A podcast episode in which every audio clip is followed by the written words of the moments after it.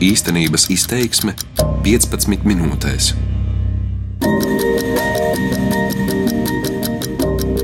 Mans vārds ir Mārcis Zanders, un es gribētu šodien parunāt par nu, daudz jau cilāto čekas maisa tēmu. Bet mazliet citā griezumā.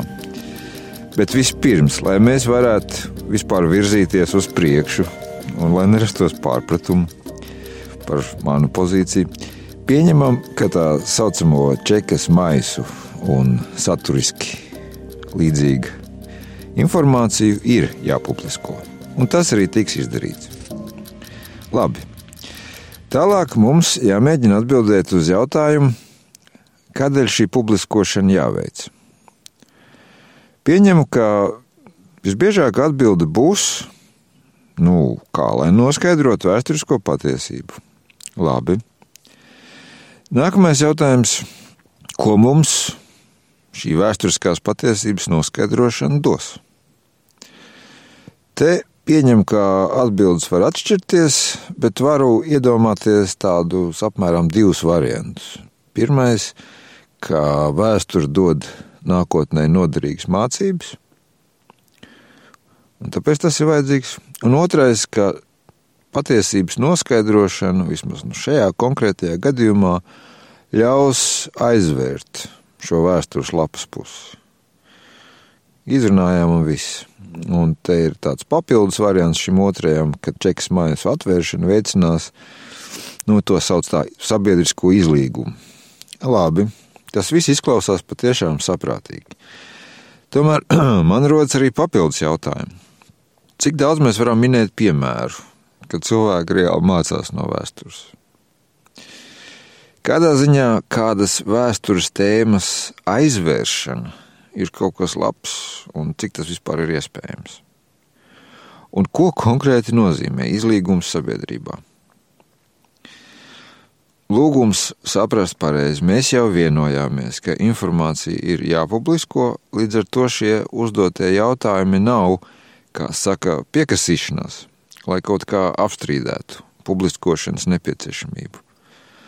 Runa ir par to, ka tā saucamā čekas maisa tēma ir tik ilgi jau cilāta, ka maisu atvēršana ir kļūsi par tādu kā finālu ilgai cīņai, vērtību kā tādu, bet uh, vienlaicīgi, ja mēs neuzdosim sev jautājumus par šādu plašāku kontekstu, tad var gadīties, ka pēc to maisu atvēršanas, no es to tā tēlēni saku, būs arī zināma neizpratne par to, ko tas vispār ir devis un, un ko darīt tālāk.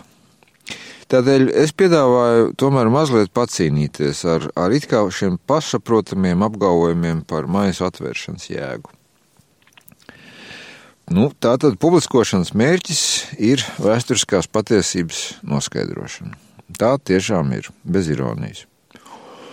Tiesa, te arī jāpiebilst, ka tēmas vai laikmeta izvēle vēsturiskās patiesības noskaidrošanai parasti no sabiedrības vai no kaut kādas aktīvas grupas puses ir visnotaļ subjektīva. Nu, pirmkārt, vairumā gadījumā mēs vēlamies noskaidrot vēsturisko patiesību par kaut ko relatīvi nesenu, kaut ko tādu, kas mūs joprojām ietekmē, vai mums liekas, ka joprojām ietekmē. Piemēram, es neesmu dzirdējis dedzīgus aicinājumus noskaidrot, kā saka, reizi par visām reizēm, kā tad tur īsti bija ar labajiem zviedru laikiem Latvijā. Cik labi tie bija un, un tā joprojām. Izsakot, tā ir pilnīgi normāla situācija. Sabiedrību nevar vienlīdz interesēt patiesība par uh, gadsimtiem garu laika nogriezni. Otra piezīme, un te gan atļaušos būt nedaudz nejauks.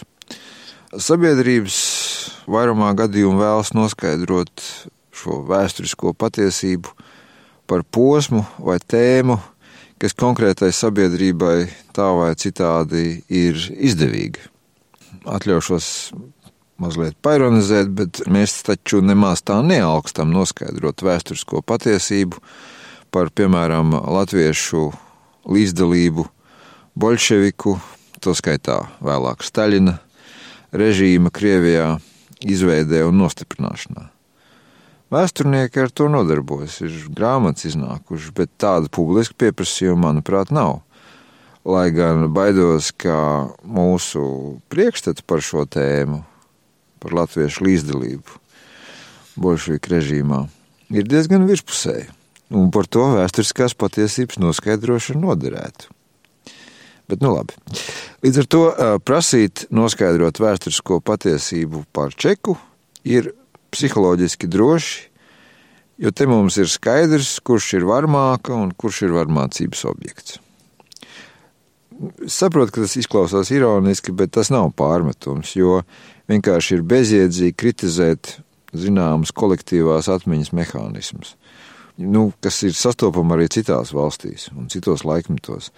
Piemēram, Spānijā bija un ir pieprasījums noskaidrot to vēsturisko patiesību, kas attiecas uz ģenerāļa Franko režīma represijām, bet šķiet salīdzinoši mazāk, ka ir vēlme izpētīt Franko pretinieku īstenot to teroru pilsoņu kara laikā Spānijā. Es pilnīgi saprotu un atbalstu centrāla eiropiešu vēlmi noskaidrot un izstāstīt pasaulē patiesību par nacistu noziegumiem viņu zemēs bet kaut kā mazāk redzu gatavību izpētīt, ko tad uh, otrā pasaules kara izskaņā un īsi pēc tam poļi, piemēram, un čehi darīja ar vācu izcelsmes civiliedzīvotājiem. Es uzsveru civiliedzīvotājiem, nevis, teiksim, militāru personām vai kaut kādiem gestapoviešiem. Un man jāsaka, es negribu šeit iedziļināties, bet pienākums nesāt baltu apsēju, uh, un aizliegums braukt sabiedriskajā transportā, kā tas bija Brno pilsētā, piemēram. Nu, tā ir vēl tā maigākā šīs vēsturiskās patiesības daļa. Nerunājot nemaz par šo cilvēku izdzīšanu no mājām un tā joprojām.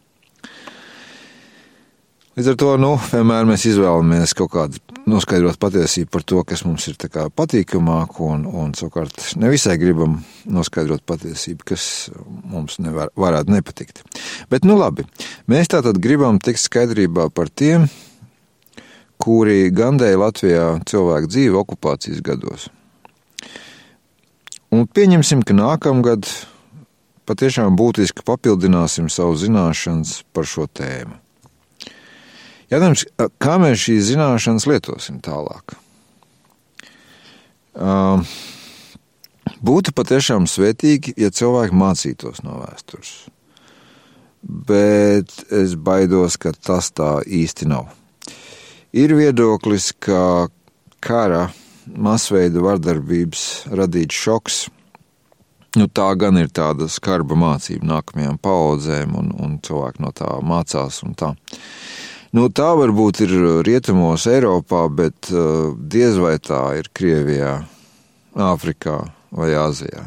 Es neredzu jēgu uzskaitīt piemērus tam, ka, lai gan ir piedzīvots vesels asiņas traumas, cilvēki ir gatavi tās atkal izliet. Nu, īsi sakot, esmu diezgan skeptisks par cilvēku spēju mācīties no citu kļūdām, bet, nu, kā teikt, cerība ir pēdējā. Iespējams, ka čekas tēmas atsekšana būs mācība tādā ziņā, ka pilnā krāšņumā parādīs, cik, nu, teiksim tā, pretīgā iekārtā esam dzīvojuši, un attiecīgi mudinās augstāk novērtēt šodienas valsti, šodienas Latviju, lai kā un cik bieži tā mums krist uz nerviem. Ja šāds rezultāts būs, tas būs brīnišķīgi. Tas tātad būtu tiešām reāls labs iegūms no čekas maisa atvēršanas.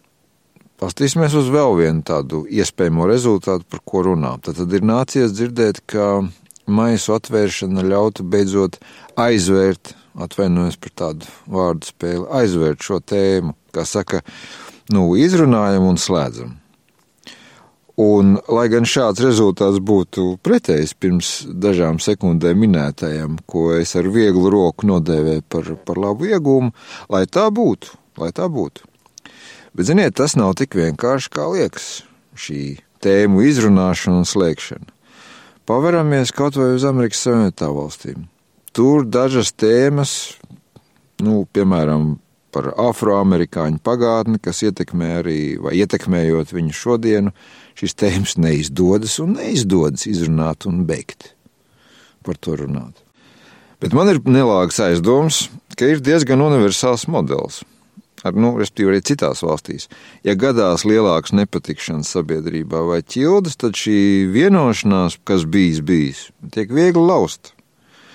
Piemēram, nesenās finanšu krīzes kulminācijas laikā Grieķijā pēkšņi sāk atcerēties par vācu okupācijas laiku Otrā pasaules kara gados kad Argentīnas valdībai savulaik, bet tas arī bija samērā nesen, tas bija izdevīgi pēkšņi sāk atcerēties par Falklendu karu pirms 30 gadiem. Un tas nekas, ka 21. gadsimta grieķu vai argentīniešu jaunajām paudzēm nu, tā nav personīga pieredze. Es daudzos gadījumos es pieļauju arī pat viņu vecākiem tā nav. Un tas nozīmē, ka ja mēs vēlamies tēmas izrunāšanu un zināmu izlīgumu, tad mums ir jābūt pietiekoši gudriem, lai pamanītu situācijas, kad kāds, nu, piemēram, politiķi, ar tēmu grib manipulēt sautīgos nolūkos. Respektīvi, arī pēc tam, kad mēs esam to izrunājuši, viņi tas tā tēma pēkšņi kaut kur laiku pa laikam atkal parādās. Vai mēs spējam būt tik gudri?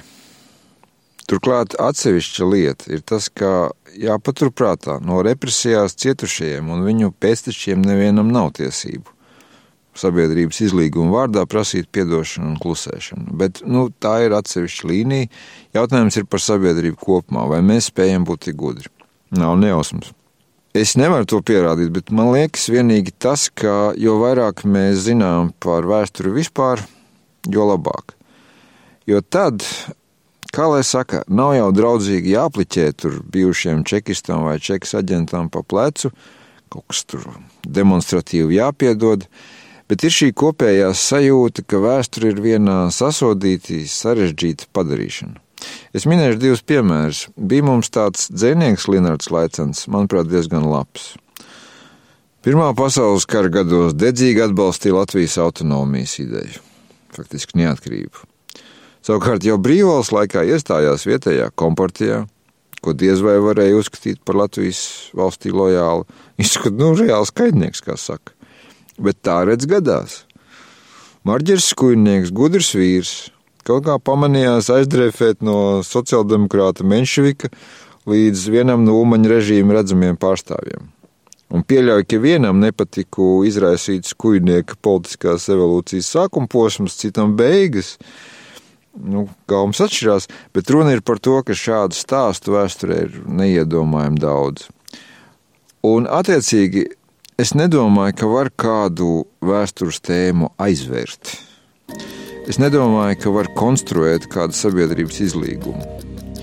Tas, kas varbūt ir iespējams, jo vairāk tu zini vēsturi, jo loģiskāk tev rodas jautājums, kā es pats šādā situācijā rīkotos.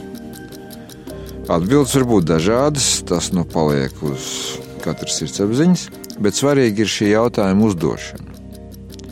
Kāds ir mans sāpju slieksnis kompromisa slēgšanai. Un būsim no tik godīgi, šis jautājums ir un arī būs aktuāls.